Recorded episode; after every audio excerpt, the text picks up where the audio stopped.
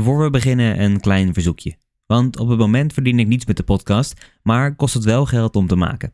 Mocht je waarderen wat ik doe en de podcast willen steunen, dan kun je een eenmalige of terugkerende donatie doen via de link in de beschrijving of op www.verhalenwoordslapengaan.com doneren. Je kunt van elke mogelijke betaalwijze gebruik maken en zo kan ik weer een jaartje de podcast in de lucht houden en af en toe een weggeefactie van een mooi boek houden. Maar goed, dan heb ik voor nu genoeg gebedeld. Heel veel luisterplezier.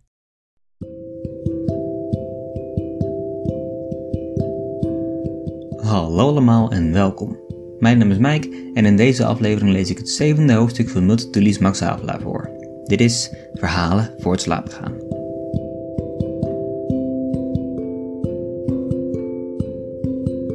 De Max Havelaar verscheen in 1860 en wordt sindsdien gezien als het bekendste, grootste en misschien wel belangrijkste werk uit de Nederlandse literatuur. In het boek staat de bevrijding van de Javaan centraal en de meeste van jullie zullen de naam Max Havelaar vooral kennen van het handelsmerk. Mocht je meer willen weten over de geschiedenis en de context van de Max Havelaar, dan verwijs ik je graag naar de tweede aflevering van deze podcast, waarin ik het werk introduceer. We zitten inmiddels op pagina 76 van de 277. Net zoals ik in de intro van de vorige aflevering al zei, zijn we eigenlijk nog steeds bezig met de opzet van de roman en het kennismaken met verschillende personages. We hebben al even niet meer gehoord van Droogstoppel, de zelfingenomen man die vanuit de goedheid van zijn hart tussen haakjes het pak papier dat Sjaalman heeft geschreven voor hem uit wil geven. Natuurlijk wel pas na een paar hevige ingrepen en wat extra hoofdstukken van zichzelf. Eigenlijk blijft er amper iets over van het manuscript van Sjaalman, want alles moet herschreven worden door Droogstoppels Duitse stagiair, Stern. Dat zijn de stukken die we op dit moment aan het lezen zijn. In het vorige hoofdstuk hebben we enkele nieuwe personages ontmoet, namelijk de controleur Verbrugge, Duclari, de regent, Max Havelaar en zijn vrouw. Het hele hoofdstuk was eigenlijk een karakterisering van Max. Door de ogen van Verbrugge en Duclari maakten we kennis met deze bijzondere persoon en door hun perspectief zijn we ook meteen iets te weten gekomen over hen. Verbrugge vindt Max wel wat hebben, Duclari vindt hem vooral een gek. Max zelf is bevlogen, emotioneel en geëngageerd, met een voorliefde voor gerechtigheid en het vechten voor de zwakkeren. Misschien lijkt hij zelfs een beetje op Multatuli. Maar goed, wat deze bevlogen Max allemaal gaat doen, lezen we in het volgende hoofdstuk. Dit is de Max Havelaar.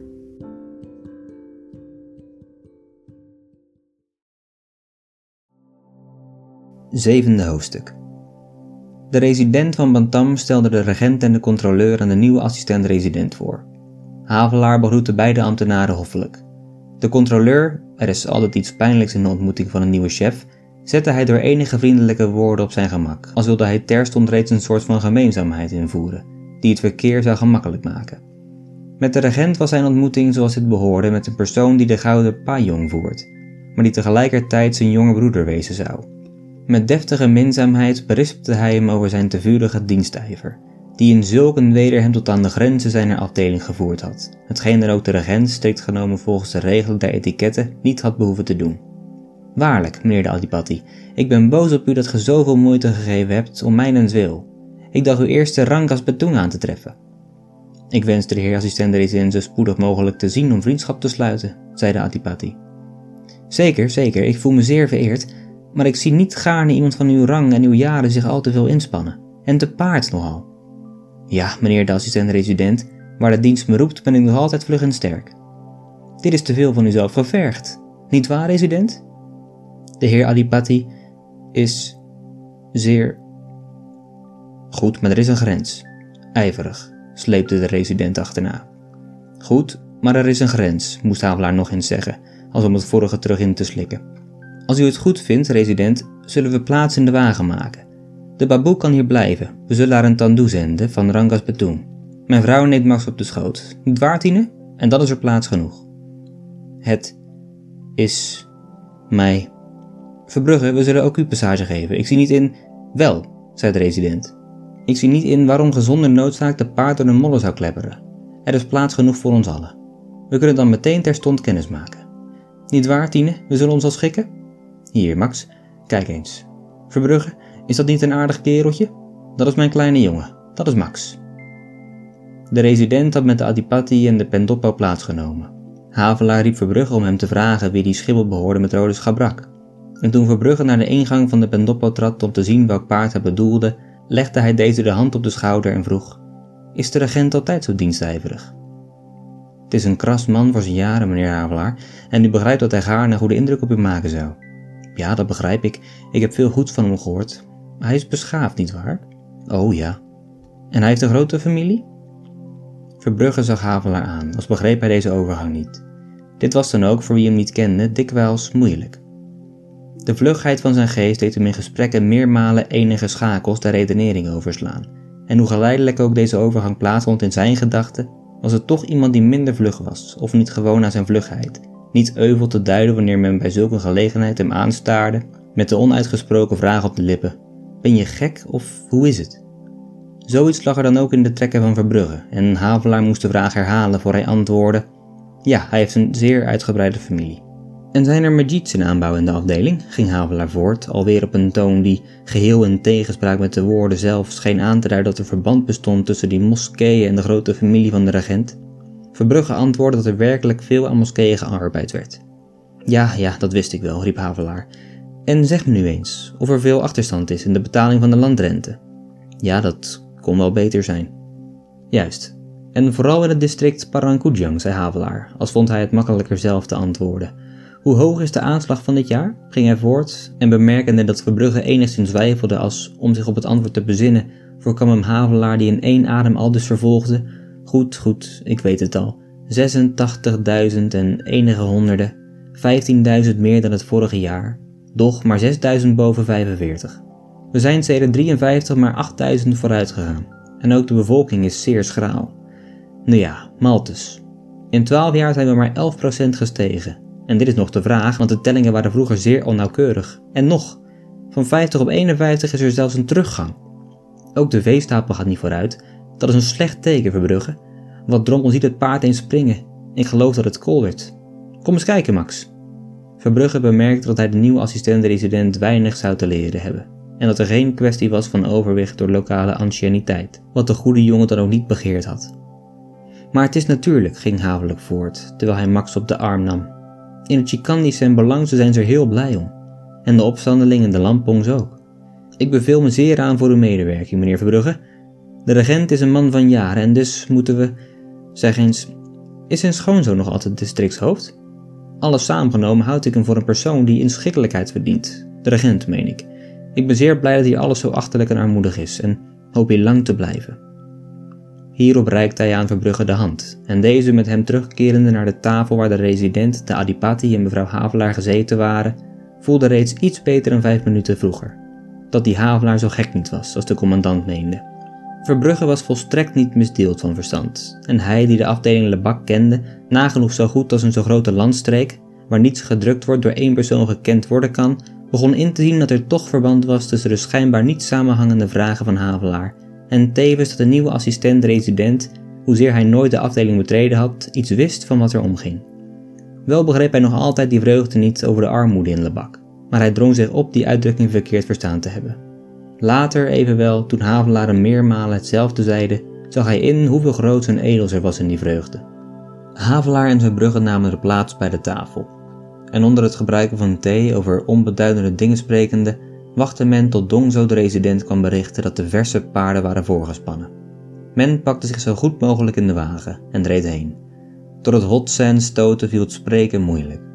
Kleine Max werd rustig gehouden met pisang en zijn moeder die hem op de schoot had, wilde volstrekt niet bekennen dat ze vermoeid was, als Havelaar aanbood haar van de zware jongen te ontlasten. In een ogenblik van gedwongen rust in een moddergat vroeg Verbrugge de resident of hij met de nieuwe assistent-resident reeds gesproken had over mevrouw Slotering, Meneer Havelaar heeft gezegd: Wel zeker, Verbrugge, waarom niet? Die dame kan bij ons blijven. Ik zou niet gaarne dat het goed was, sleepte de resident er met veel moeite bij. Ik zou niet gaarne mijn huis ontzeggen aan een dame in haar omstandigheden. Zoiets spreekt vanzelf, niet waar, Tine? Ook Tine meende dat het vanzelf sprak. U heeft twee huizen te Rangas Betoen, zei Verbrugge. Er is ruimte en overvloed voor twee familieën. Maar al was dat zo niet, ik durfde het haar wel, resident, riep mevrouw Havelaar, er is geen twijfel aan.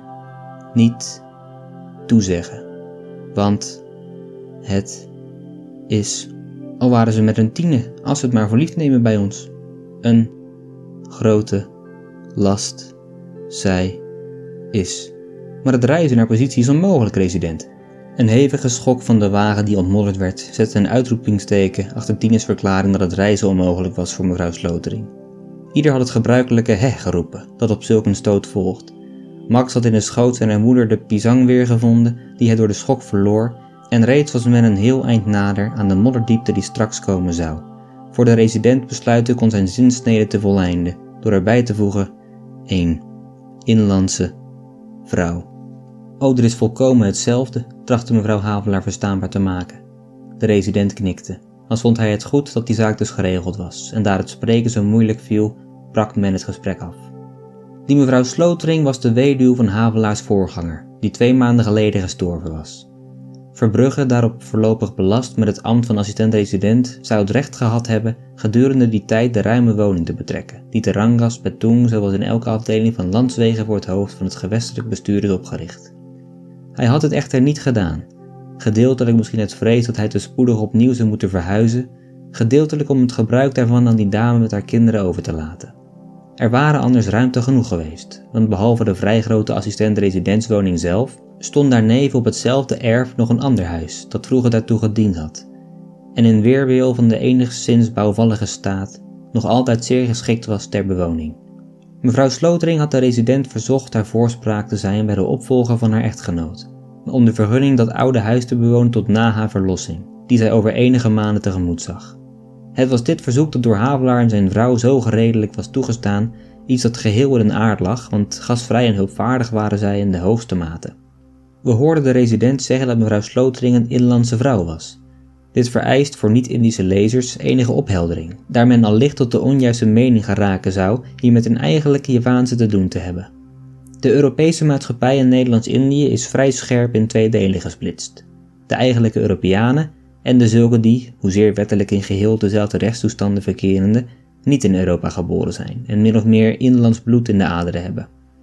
Ter ere der begrippen van menselijkheid in Indië haast ik me hierbij te voegen hoe scherp ook de lijn zij die het maatschappelijk verkeer wordt getrokken tussen de twee soorten van individuen, welke tegenover de inlander gelijkelijk de naam van Hollander dragen, deze afscheiding evenwel geen sinds het barbaars karakter vertoont dat in Amerika bij de standsplitsing wordt waargenomen. Ik ontken niet dat er nog altijd veel onrechtvaardigs en stuitends in deze verhouding blijft bestaan, en dat het woord liplap mij meermalen in de oren klonk als een bewijs hoe ver die niet-liplap, de blanke, dikwerf van ware beschaving verwijderd is. Het is waar dat de liplap niet dan bij uitzondering in gezelschappen wordt toegelaten, en dat hij gewoonlijk, als ik me hier van zeer gemeenzame uitdrukking bedienen mag, niet voor vol wordt aangezien. Maar zelden zal men zulke uitsluiting of geringschatting horen voorstellen en verdedigen als een grondbeginsel. Het staat natuurlijk ieder vrij zijn eigen omgeving en gezelschap te kiezen, en men mag het de eigenlijke Europeaan niet euvel duiden wanneer hij de omgang met lieden van zijn landaard voortrekt boven het verkeer met personen die, hun min of meer zedelijke en verstandelijke waarden in het midden gelaten, zijn indrukken en denkbeelden niet delen, of, en dit is misschien bij vermeend verschil van beschaving zeer dikwijls de hoofdzaak, wier vooroordelen een andere richting hebben genomen dan de zijne. Een liplap, om de term te bezigen die voor beleefder wordt gehouden, zou ik moeten zeggen een dusgaand inlands kind, maar ik vraag vergunning mij te houden aan spraakgebruik dat uit alliteratie geboren schijnt, zonder dat ik met die uitdrukking iets beledigends bedoel, en wat betekent het woord dan ook? Een liplap heeft veel goeds. Ook de Europeaan heeft veel goeds.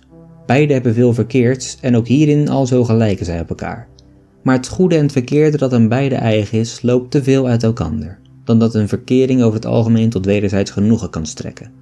Bovendien, en hieraan heeft de regering veel schuld, is de liplap dikwijls slecht onderwezen. De vraag is nu niet hoe de Europeaan wezen zou als hij zo van der jeugd af waren belemmerd geworden in zijn ontwikkeling, maar zeker is het dat de geringe wetenschappelijke ontwikkeling van de liplap in het algemeen zijn gelijkstelling met de Europeaan in de weg staat. Ook daar waar hij als individu in beschaving, wetenschap of kunst misschien de voorrang boven een bepaalde Europese persoon verdienen zou. Ook hieraan is weder niets nieuws. Het lag ook bijvoorbeeld in de staatskunde van Willem de Veroveraar, om de minst beduidende Normandier te verheffen boven de beschaafdste Sakser. En elke Normandier beriep zich gaarn op het overwicht der Normandiers in het algemeen, om zijn persoon ook daar te doen gelden, waar hij de minste zou geweest zijn, zonder de invloed zijner stamgenoot als bovenliggende partij. Uit zoiets wordt natuurlijk in het verkeer zekere gedwongenheid geboren, die niet zou weg te nemen zijn dan door wijsgerige, onbekrompen inzichten en maatregelen van het bestuur. Dat de Europeaan die in zulke verhouding aan de winnende kant is, zich in dit kunstmatig overwicht zeer gemakkelijk schrikt, spreekt vanzelf. Maar dikwijls is het koddig, iemand die zijn beschaving en taal grotendeels opdeed in de Rotterdamse Zandstraat, de liplap te horen uitlachen omdat deze een glas water in het gouvernement mannelijk of zon en maan onzijdig maakt. Een liplap mogen beschaafd, goed onderwezen zijn of geleerd, er zijn er zo, zodra de Europeaan, die zich ziek hield om achter te blijven van het schip waarop hij borden waste, en die zijn aanspraak op beleefdheid baseert op uwe en verexcuseer, aan het hoofd staat van de handelsonderneming die zo enorm gewonnen heeft op de Indigo in 1800 zoveel. Nee, lang voor hij de toko bezat, waarin hij hammen en jachtgeweren verkoopt. Wanneer zo'n Europeaan opmerkt dat de beschaafdste liplap moeite heeft met de H en de G uit elkaar te houden, lacht hij over de domheid van een man die niet weet dat er onderscheid is tussen een gouden hek en een houten gek. Maar om hierover niet te lachen had hij moeten weten dat in het Arabische Maleis de ga en de ga door één karakter worden uitgedrukt, dat Hieronymus via Geronimo en Jerome overgaat. Dat we van een huano guano maken, dat een wand een handschoen is, dat de kous van hozen afstamt en dat we voor Guillaume in het Hollands Willem of Willem zeggen. Zoveel eruditie is te veel gevergd van iemand die zijn fortuin maakte in de indigo en zijn beschaving haalde uit het welgelukken van dobbelarij, of erger. En zulk een Europeaan kan toch niet omgaan met zulk een liplap? Ik begrijp hoe Willem van Guillaume komt, en moet erkennen dat ik, vooral in de Molukken, zeer dikwijls de liplap heb leren kennen die me deden verbaasd staan over de omvang hunner kennis, en die mij op het denkbeeld brachten dat wij Europeanen, hoeveel hulpmiddelen ons ook ten dienste stonden, dikwijls, en niet vergelijkenderwijze alleen, verre ten achteren staan bij de arme paria's, die van de wieg af hadden te strijden met kunstmatig onbillijke terugzetting en het zot vooroordeel tegen hun kleur. Maar mevrouw Slotering was eens vooral gevrijwaard voor fouten in het Hollands, omdat ze nooit anders dan Maleis sprak. We zullen haar later te zien krijgen, als we met Havelaar, Tine en kleine Max thee drinken in de voorgalerij de assistent-residentswoning te Rangas Petoen, waar ons reisgezelschap na lang hotsen stoten eindelijk behouden aankwam. De resident die slechts was meegekomen om de nieuwe assistent-resident in zijn ambt te bevestigen, gaf de wens te kennen nog diezelfde dag naar Serang terug te keren. Omdat hij, Havelaar betuigde insgelijks bereid te zijn tot alle spoed, het zo druk had. En de afspraak werd gemaakt dat men daartoe over een half uur in de grote voorgalerij der woning van de regent zou bijeenkomen. Verbrugge, hierop voorbereid, had reeds voor vele dagen aan de districtshoofden, de patte, de klimon, de jaksa, de belastingscollecteur, enige mantries en voors en alle inlandse beambten die deze plechtigheid moesten bijwonen, last gegeven zich op de hoofdplaats te verzamelen. De adipati nam afscheid en reed naar zijn huis. Mevrouw Havelaar bezag haar nieuwe woning en was er zeer mee ingenomen, vooral omdat de tuin groot was. Hetgeen haar zo goed voorkwam voor kleine Max die veel in de lucht moest.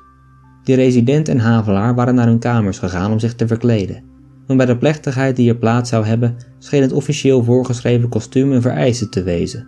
Rondom het huis stonden honderden mensen, die of te paard de wagen van de resident hadden begeleid, of tot het gevolg der samengeroepen hoogte behoorden. De politie en bureauoppassers liepen bedrijven heen en weer. Kortom, alles toonde aan dat de eentonigheid op dat vergeten plekje grond in de Javase Westhoek voor een ogenblik werd afgebroken door wat leven. Weldra reed de fraaie wagen van de Adipati het voorplein op. De resident en havelaar, schitterend van goud en zilver, maar iets wat struikelend over hun degens, stapten erin en begaven zich naar de woning van de regent, waar ze met muziek van gongs en gamlangs ontvangen werden. Ook Verbrugge, die ze van zijn bemodderd kostuum ontdaan had, was reeds daar aangekomen. De mindere hoofden zaten in een grote kring, naar oosterse wijze op matten op de grond. En aan het eind van de lange galerij stond een tafel waaraan de resident, de adipati, de assistent-resident, de controleur en een zestal hoofden plaatsnamen. Men diende thee met gebak rond en de eenvoudige plechtigheid begon. De resident stond op en las het besluit van de gouverneur-generaal voor, waarbij Max Havelaar was aangesteld tot assistent-resident van de afdeling Bantan Kiboel, of Zuid-Bantam, zoals Lebak door de inlanders genoemd wordt. Hij nam daarna het staatsblad waarin de eed stond die tot de aanvaarding van bedieningen in het algemeen voorgeschreven is, en houdende dat men om tot het ambt van puntje puntje te worden benoemd of bevorderd, niemand iets beloofd of gegeven heeft, beloven of geven zal, dat men gehouden en getrouw zal zijn aan zijne majesteit de koning der Nederlanden, gehoorzaam aan zijne majesteit vertegenwoordiger in de Indische gewesten, dat men stiptelijk zal opvolgen en doen opvolgen de wetten en bepalingen die gegeven zijn of gegeven zullen worden, en dat men zich in alles zal gedragen gelijk en goed, hier assistent-resident, betaamt. Hierop volgde natuurlijk het sacramentele, zo waarlijk helpen mij God Almachtig. Havelaar sprak de voorgelezen woorden na. Als in deze eed begrepen had eigenlijk moeten worden beschouwd de belofte de inlandse bevolking te zullen beschermen tegen uitzeggingen en onderdrukking. Want, zwerende dat men de bestaande wetten en bepalingen zou handhaven, behoefde men slechts het oog te slaan op de talrijke voorschriften dienaangaande om in te zien dat eigenlijk een bijzondere eed hieromtrent niet te pas kwam. Maar de wetgever schijnt gemeend te hebben dat overvloed van goed niet schaden kan. Althans, men vordert van de assistent-resident een afzonderlijke eed, waarbij die verplichting omtrent de geringe man nog eens uitdrukkelijk vermeld wordt. Havelaar moest dus andermaal God Almachtig tot getuige nemen bij de belofte dat hij de inlandse bevolking beschermen zou tegen onderdrukking, mishandeling en knevelarij. Voor een fijne opmerker zou het de moeite waard zijn geweest het onderscheid gade te slaan tussen houding en toon van de resident en van Havelaar bij deze gelegenheid. Beide hadden zij dusdanige plechtigheid meermalen bijgewoond. Het onderscheid dat ik bedoel lag dus niet in het meer of min getroffen zijn door het nieuwe en ongewone, doch werd alleen veroorzaakt door het uiteenlopende der karakters en begrippen van deze beide personen. De resident sprak wel iets sneller dan gewoonlijk, daar hij het besluitende ede slechts behoefde voor te lezen, hetgeen hem de moeite bespaarde naar zijn slotwoorden te zoeken, maar toch geschiedde van zijn kant alles met een deftigheid en een ernst, die de oppervlakkige beschouwer een zeer hoog denkbeeld moest inboezemen van het gewicht dat hij aan de zaak hechtte. Havelaar in tegendeel, toen hij met opgeheven vinger de ede nasprak, had iets in gelaat, stem en houding, alsof hij zeggen wilde: dat spreekt vanzelf, ook zonder God Almachtig zou ik dat doen. En wie menskunde bezat, zou meer vertrouwd hebben op zijn ongedwongenheid en schijnbare onverschilligheid dan op de ambtelijke deftigheid van de resident. Is het niet inderdaad bespottelijk te menen dat de man die geroepen is recht te spreken, de man aan wie het wel en wee van duizenden is in handen gegeven, zich zou gebonden achter door een paar uitgesproken klanken, wanneer hij niet, ook zonder die klanken, zich daartoe gedrongen voelt door zijn eigen hart. Wij geloven van Havelaar dat hij de armen en onderdrukte, waar hij die mocht aantreffen, zou beschermd hebben, al had hij bij God Almachtig het tegendeel beloofd. Daarop volgde een toespraak van de resident tot de hoofden, waarop hij hun de assistent-resident als opperhoofd der afdeling voorstelde, en uitnodigde hem te gehoorzamen, hun verplichtingen stipt na te komen en de dergelijke gemeenplaatsen meer. De hoofden werden daarop één voor één bij naam aan Havelaar voorgesteld. Hij reikte ieder de hand en de installatie was afgelopen. Men gebruikte ten huize van de Adipati middagmaal, waartoe ook de commandant Duclari genodigd was. Terstond na afloop daarvan stapte de resident, die gaarne nog die avond te Sarang wilde terug zijn, omdat hij het zo bijzonder druk had, weder in zijn reiswagen. En zo keerde Rangkas Betoeng weldra terug tot een stilte als te verwachten is van een Javase binnenpost die door slechts weinig Europeanen bewoond werd en daarboven niet aan de grote weg gelegen was. De kennismaking tussen Duclari en Havelaar was spoedig op een gemakkelijke voet gebracht. De Adipati gaf blijken van een ingenomenheid met zijn nieuwe ouder broeder en Verbrugge verhaalde later dat ook de resident, die hij op zijn terugreis naar Sarangan eindwegs uitgeleide had gedaan, zich zeer gunstig over familie Havelaar, die op haar doortocht naar Labak enige dagen ten zijnen huize vertoefde, had uitgelaten. Ook zeide hij dat Havelaar, bij de regering goed aangetekend staande, hoogstwaarschijnlijk spoedig tot een hoger ambt bevorderd, of althans naar een meer voordelige afdeling verplaatst worden zou. Max en zijn tienen waren eerst onlangs van een reis naar Europa teruggekeerd en gevoelden zich vermoeid van wat ik eens zeer eigenaardig een koffertjesleven heb horen noemen. Zij achten zich dus gelukkig na veel omzwervens eindelijk weer eens een plek te bewonen waar zij zouden te huis behoren. Voor hun reis naar Europa was Havelaar assistent-resident van Amboina geweest waar hij met veel moeilijkheden had te strijden gehad, omdat de bevolking van het eiland in een gistende en oproerige toestand verkeerde, ten gevolge van de vele verkeerde maatregelen die in de laatste tijd genomen waren. Niet zonder veerkracht had hij deze geest van verzet weten te onderdrukken, doch uit verdriet van de weinige hulp die men hem hierin van hogerhand verleende en uit ergernis over het ellendig bestuur dat sedert eeuwen de heerlijke streken der Molukken ontvolkt en bederft, de belangstellende lezer trachtte te lezen te krijgen wat over dit onderwerp reeds in 1825 door de baron van der Capelle geschreven werd. En kan de publicatie van deze mensenvriend vinden in het Indische staatsblad van dat jaar. De toestand is er sedert die tijd niet beter op geworden. Hoe dit zij, Havelaar deed de Amboina wat hij mocht en kon. Maar het ergernis over gebrek aan medewerking van hen die in de eerste plaats geroepen waren zijn pogingen te steunen, was hij ziek geworden en dit had hem bewogen naar Europa te vertrekken. Strikt genomen had hij bij de wederplaatsing aanspraak gehad tot beter keuze dan de arme geenszins welvarende afdeling Lebak, daar zijn werkering te Amboina van groter gewicht was en hij daar, zonder resident boven zich, geheel op zichzelf gestaan had. Bovendien was er, reeds voor hij naar Amboina vertrok, sprake van geweest hem tot resident te verheffen. En het bevreemdde sommigen dat hem thans het bestuur ener afdeling werd opgedragen die in cultuurmonumenten zo weinig opbracht, terwijl velen het belang in de bediening naar de daaraan verbonden inkomsten afmeten.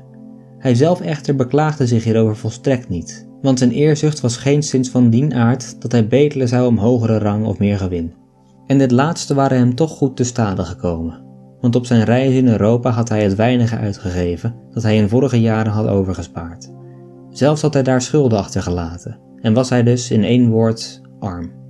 Doch nooit had hij zijn ambt beschouwd als een geldwinning, en bij zijn benoeming naar Lebak nam hij zich met tevredenheid voor het achterstallige door zuinigheid in te halen, in welk voornemen zijn vrouw die zo eenvoudig was in smaak en behoefte hem met genoegen ondersteunen zou. Maar zuinigheid viel Havelaar moeilijk. Hij voor zichzelf kon zich tot het strikt nodige bepalen. Ja, zonder de minste inspanning kon hij binnen de grens daarvan blijven. Doch waar anderen hulp behoefden, was hem het helpen, het geven een ware hartstocht. Hij zelf zag dit zwak in, beredeneerde met al het gezond verstand dat hem gegeven was hoe onrecht hij deed. Iemand te ondersteunen waar hij zelf meer aanspraak zou gehad hebben op zijn eigen hulp, gevoelde dit onrecht nog levendiger, wanneer ook zijn Tine en Max, die hij beide zo lief had, te lijden hadden onder de gevolgen zijner vrijgevigheid. Hij verweet zich in zijn goedhartigheid als zwakte, als ijdelheid, als zucht om voor een verklede prins door te gaan. Hij beloofde zich beterschap. En toch, telkens als deze of gene zich aan hem wist voor te doen als het slachtoffer van tegenspoed, vergat hij alles om te helpen. En dit in weerwil der bittere ondervinding van de gevolgen deze door overdrijving tot fout geworden deugd. Acht dagen voor de geboorte van zijn kleine Max bezat hij het nodige niet om het ijzeren wiegje te kopen waarin zijn lieveling rusten zou. En weinig tijds tevoren nog had hij de weinige versierselen zijn vrouw opgeofferd, om iemand bij te staan die gewis in betere omstandigheden verkeerde dan hijzelf. Maar dit alles lag alweer ver achter hen toen ze waren aangekomen te Lebak. Met vrolijke kalmte hadden zij bezit genomen van het huis, waar ze nu toch enige tijd hoopten te blijven. Met een eigenaardig genot hadden zij te Batavia de meubelen besteld, die alles zo comfortabel en gezellig maken zouden. Zij toonden elkaar de plekken waar ze zouden ontbijten, waar kleine Max spelen zou, waar de bibliotheek zou staan, waar hij s'avonds haar zou voorlezen wat hij die dag geschreven had. Want hij was altijd bezig met het ontwikkelen zijner denkbeelden op het papier. En één zou dat gedrukt worden, meende Tine. En dan zou men zien wie haar Max was. Maar nooit had hij iets ter perse laten leggen van wat er in zijn hoofd omging, omdat zekere schroom hem bezielde die wel iets zweemde naar eerbaarheid. Hij zelf althans wist deze tegenzin niet beter te beschrijven dan door aan wie hem aanspoorde tot publiciteit te vragen Zoudt gij uw dochter op straat laten lopen zonder hemd? Dit was dan weer een van de vele boutades, die zijn omgeving deden zeggen dat die havelaar toch een zonderling mens was, en ik beweer het tegendeel niet. Maar als men de moeite nam zijn ongewone wijze van spreken te vertalen, zou men in die vreemde vraag over het toilet van een meisje wellicht de tekst gevonden hebben voor een verhandeling over de kuisheid van de geest, die schuw is voor de blikken van de lompe voorbijganger en zich terugtrekt in een hulsel van maagdelijke schroomvalligheid. Ja, ze zouden gelukkig zijn te Rangaspetoen, havelaars en tienen. De enige zorg die hen drukte waren de schulden die zij in Europa hadden achtergelaten, verhoogd met de nog onbetaalde kosten der terugreis naar Indië en met de uitgaven voor het meubelen hunner woning. Maar nood was er niet. Ze zouden immers leven van de helft, van een derde zijner inkomsten. Misschien ook, ja waarschijnlijk zou hij spoedig resident worden, en dan werd alles makkelijk geregeld in weinig tijds. Hoewel het me erg spijten zou dienen Lebak te verlaten, want er is hier veel te doen. Je moet heel zuinig wezen, beste, dan kunnen we misschien alles afdoen, ook zonder bevordering. En dan hoop ik hier lang te blijven, heel lang. Een aansporing tot zuinigheid nu behoefde hij tot haar niet te richten. Zij had er waarlijk geen schuld aan dat spaarzaamheid nodig was geworden, doch ze had zich zo vereenzelvigd met haar Max dat ze die aansporing geenszins opvatte als een verwijt, wat het dan ook niet was want Havelaar wist zeer goed dat hij alleen gefaald had, door zijn te ver gedreven vrijgevigheid, en dat haar fout, als er dan een fout bestond aan haar zijde, alleen hierin had gelegen dat ze uit liefde voor Max altijd alles had goedgekeurd wat hij deed. Ja, zij had het goed gevonden, toen hij die beide arme vrouwen uit de Nieuwstraat die nooit Amsterdam hadden verlaten en nooit waren uitgeweest rondleidde op de Haarlemmer kermis, onder het koddig voorwendsel dat de koning belast had met het amuseren van oude vrouwtjes die zich zo goed gedragen hadden. Zij vond het goed dat hij de weeskinderen uit alle gestichten te Amsterdam op koek en amandelmelk onthaalde en ze overladen met speelgoed. Zij begreep volkomen dat hij de logementsrekening van de familie arme zangers betaalde die terug wilden naar hun land, maar niet gaarne de haven achterlieten, waartoe de harp behoorde en de viool en de bas die ze zo nodig hadden voor hun schamel bedrijf. Zij kon het niet afkeuren dat hij het meisje tot haar bracht dat s'avonds op de straat hem had aangesproken, dat hij haar te eten gaf en verbergde, en het al te goedkoop ga heen en zondert niet meer niet uitsprak voor hij haar dat niet zondige had mogelijk gemaakt. Zij vond het zeer schoon in haar max dat hij het klavier liet terugbrengen in de voorkamer van de huisvader, die hij had horen zeggen hoe leed het hem deed dat de meisjes verstoken waren van muziek na het bankroet. Zij begreep zeer goed dat haar Max de slavenfamilie vrijkocht te Menado, die zo bitter bedroefd was te moeten stijgen op de tafel des afslagers. Zij vond het natuurlijk dat Max paarden weergaf aan de halfvoeren in de Minahassa, wier paarden waren doodgereden door de officieren van de Bayonese. Zij had er niet tegen dat hij te Menado en te Amboina de schipbreukelingen der Amerikaanse whalers bij zich riep en verzorgde, en zich te grand seigneur achtte om een herbergiersrekening voor te leggen aan het Amerikaans gouvernement. Zij begreep volkomen waarom de officieren van bijna elk aangekomen oorlogsschip grotendeels bij Max logeerden en dat zijn huis een geliefd pied was. Was hij niet haar Max? Was het niet te klein, te nietig? Was het niet ongerijmd? Hem die zo vorstelijk dacht te willen binden aan de regels van spaarzaamheid en huishoudelijkheid die voor anderen gelden? En bovendien, al mocht er dan soms voor het ogenblik iets onevenredigs wezen tussen inkomsten en uitgaven, was Max, haar Max, niet bestemd voor een schitterende loopbaan? Moest hij niet weldra in omstandigheden verkeren die hem zouden in staat stellen zonder overschrijding zijner inkomsten de vrije loop te laten aan zijn groothartige neigingen? Moest haar Max niet gouverneur-generaal worden van dat lieve Indië of een koning? Was het niet vreemd zelfs dat hij niet reeds koning was? Als er een fout bij haar kon gevonden worden, dan was haar ingenomenheid met Havelaar schuld eraan en zo ooit, dan zou het hier gelden, dat men veel vergeven moet aan wie veel heeft liefgehad. Doch, men had haar niets te vergeven. Zonder nu te delen in de overdreven begrippen die zij van haar Max koesterde, mag men toch aannemen dat hij een goede loopbaan voor zich had. En wanneer dit gegrond uitzicht zich had verwezenlijkt, zouden inderdaad de onaangename gevolgen zijner vrijgevigheid weldra uit de weg te ruimen geweest zijn. Maar nog een reden van geheel andere aard verontschuldigde haar in zijn schijnbare zorgeloosheid. Ze had zeer jong haar beide ouders verloren en was bij haar familie opgevoed. Toen ze huwde, deelde men haar mede dat zij een klein vermogen bezat, hetgeen er ook werd uitbetaald, doch Havelaar ontdekte uit enkele brieven van vroeger tijd en uit enige losse aantekeningen die zij in een van haar moeder afkomstige cassetten bewaarde, dat haar familie zo van vaders als van moederszijde zeer rijk was geweest, zonder dat hem evenwel duidelijk worden kon waar, waardoor of wanneer die rijkdom was verloren gegaan. Zij zelf, die nooit belang gesteld had in zaken van geldelijke aard, wist weinig of niets te antwoorden toen Havelaar bij haar aandrong op enige inlichtingen aangaande de vorige bezittingen van haar verwanten. Haar grootvader, de baron van W, was met Willem de Vijfde naar Engeland uitgeweken en ritmeester geweest bij het leger des hertogs van York. Hij scheen met de uitgeweken leden der stadhouderlijke familie een vrolijk leven geleid te hebben, wat dan ook door velen werd opgegeven als de oorzaak van de ondergang zijner fortuin. Later bij Waterloo sneeuwde hij in een charge onder de huzaren van Boreel.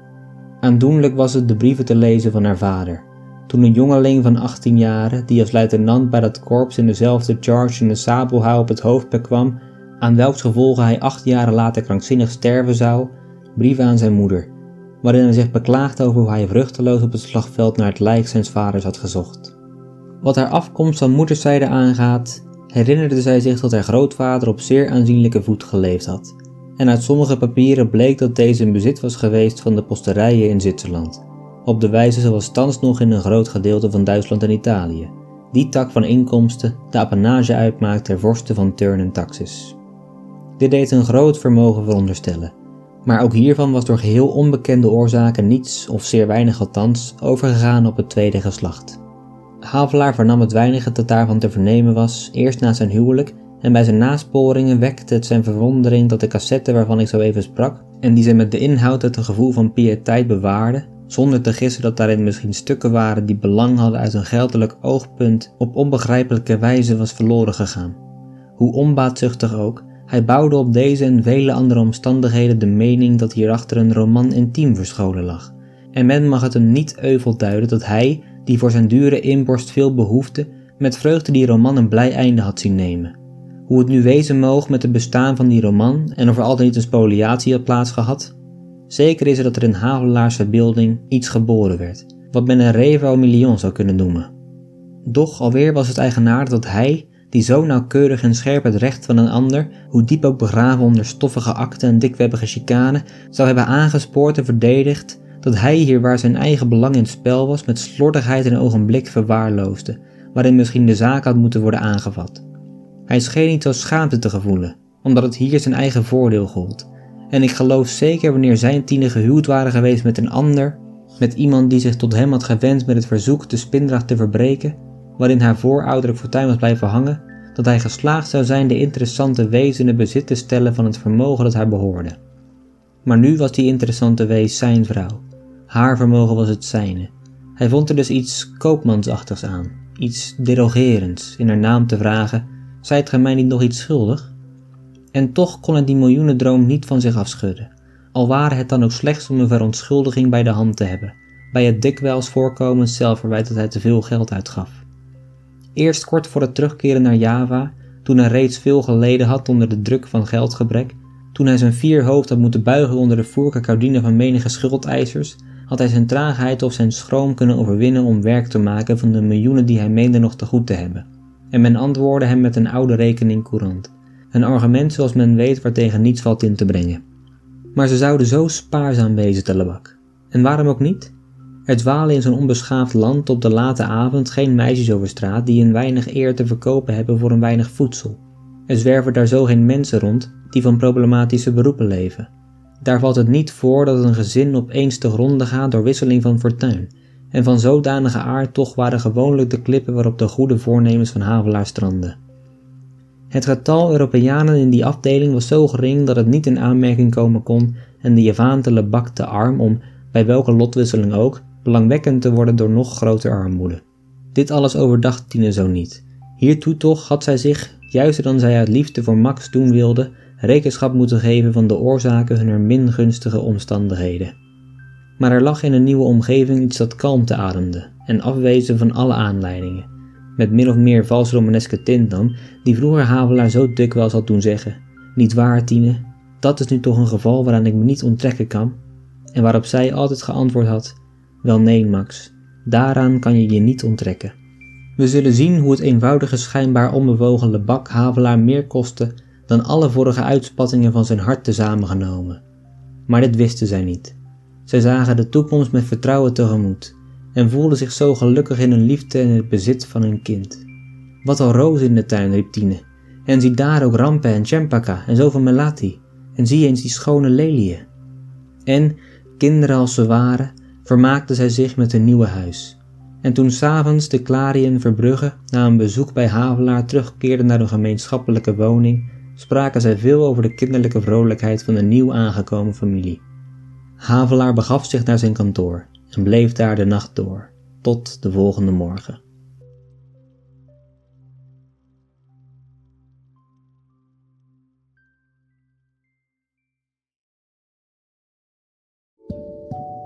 Dit was het zevende hoofdstuk. En voor degenen die zich afvragen wanneer er nou eigenlijk eens iets gaat gebeuren, ik voel met je mee. In de afgelopen 15 pagina's zijn ze vertrokken naar de plek waar Max Havelaar zijn ambt gaat uitvoeren. Daar heeft dus een eet afgelegd en, na nog even thee te hebben gedronken met wat mensen, heeft hij zijn kantoor opgezocht om er de hele avond te gaan werken. Tijdens de handelingen in dit hoofdstuk gaat het er vooral om dat we als lezer een nog beter beeld krijgen van Havelaar. We moeten als lezer een beetje van hem gaan houden. En het kan alleen als we zien hoe hij handelt en reageert op bepaalde dingen. Hier kom ik later nog op terug. Eerst wil ik het even hebben over een ander stuk waar het hoofdstuk over gaat. De verhouding tussen de Europeaan en de liplap tussen haakjes. In dat stuk gaat de verteller, of het nou Stern, Schaalman of Multatuli is, laat ik even in het midden, in op hoe de Europeaan de inheemse ziet. Hierin wordt dus expliciet duidelijk hoe de Javanen onrecht wordt aangedaan, doordat we met een Europese bril op onze neus kijken naar de Javanen. We lachen ze bijvoorbeeld uit doordat ze het verschil tussen de G en de H niet kennen, omdat we denken dat we simpelweg te dom zijn om dat verschil te kennen. Dit is natuurlijk niet het geval. De Europeaan snapt door zijn overtuiging dat zij het centrum van het universum zijn, niet dat er andere volken zijn met andere gebruiken, klanken en talen. die niet per se slechter of minder zijn dan de Europese volkeren en talen. Ook wordt in dit stuk duidelijk dat onderwijs slecht is geregeld op Java. Zo zegt de verteller dat er genoeg Javanen zijn die waarschijnlijk slimmer zijn en meer verdienen dan menig Europeaan, maar hier de kans niet voor krijgt door dit gebrek aan onderwijs en door de macht van de Europeaan. Immers, als iemand jouw baas is en constant zegt dat je iets fout doet, je uitlacht en zegt dat je stom en dom bent, dan ga je dat wellicht vanzelf ooit geloven. Zo wordt de Javaan onderdrukt. Dan weer terug naar Max Havelaar, overigens niet te verwarren met kleine Max, zijn zoontje. Bijna het hele hoofdstuk lang zien we wat Havelaar doet, en soms wordt hier zelfs door de verteller een waardeoordeel aangehangen. Ik ga niet elke handeling bespreken, want dan zitten we hier over een uur nog, maar er zijn twee momenten waar ik het graag over wil hebben. De eerste is de eet, waarin Max vrij expliciet wordt gekarakteriseerd. Zo zegt de verteller dat tijdens het afleggen van de eet de resident, die heel plechtig en heel langzaam spreekt, minder vertrouwen van het volk zou hebben dan van de luchtige Max, die geen eed nodig heeft om zijn plicht te doen. Want, zo wordt er gezegd, iemand die een paar woorden en de almachtige God nodig heeft om zijn taak te doen, zal waarschijnlijk niet de juiste persoon voor de taak zijn. Zo wordt er voor ons iets duidelijk over de wil van Max om het goede te doen, niet alleen maar voor macht of geld. Ja, en dat geld is het tweede waar ik het over wil hebben. Hier gaat vooral het einde van het hoofdstuk over. Hier krijgen we te weten hoe arm Max eigenlijk is, dat hij vaak mensen die het slechter en soms zelfs beter hebben dan hij helpt, omdat hen onrecht is aangedaan, waardoor hij zelf in de problemen komt. En wanneer hij eindelijk een keer zichzelf kan helpen, omdat hem zelf onrecht is aangedaan en hij waarschijnlijk als hij zijn best doet heel veel geld kan binnenslepen, doet hij het niet, omdat het zij voelen als winst maken. Ook hier zien we dus weer zijn gedrevenheid terug. Het is bijna een overdreven goedheid. Dat is dus Max Havelaar, de man die alles voor het goede doet, ook al gaat dit ten koste van hemzelf. In het volgende hoofdstuk komt er als het goed is iets meer actie. Zo komt bijvoorbeeld zijn beroemde toespraak aan bod. Maar goed, dat is voor de volgende keer. Ik wil jullie hartstikke bedanken voor het luisteren naar deze podcast. Voor updates, achter de schermen, vragen of opmerkingen kun je me volgen op Instagram of Facebook onder de naam Verhalen voor het slapen gaan. Mocht je deze podcast willen steunen kun je een donatie achterlaten op Kofi via de link in de beschrijving. En dan zie slash hoor ik jullie volgende week. Voor nu, goede nacht, slaap zacht.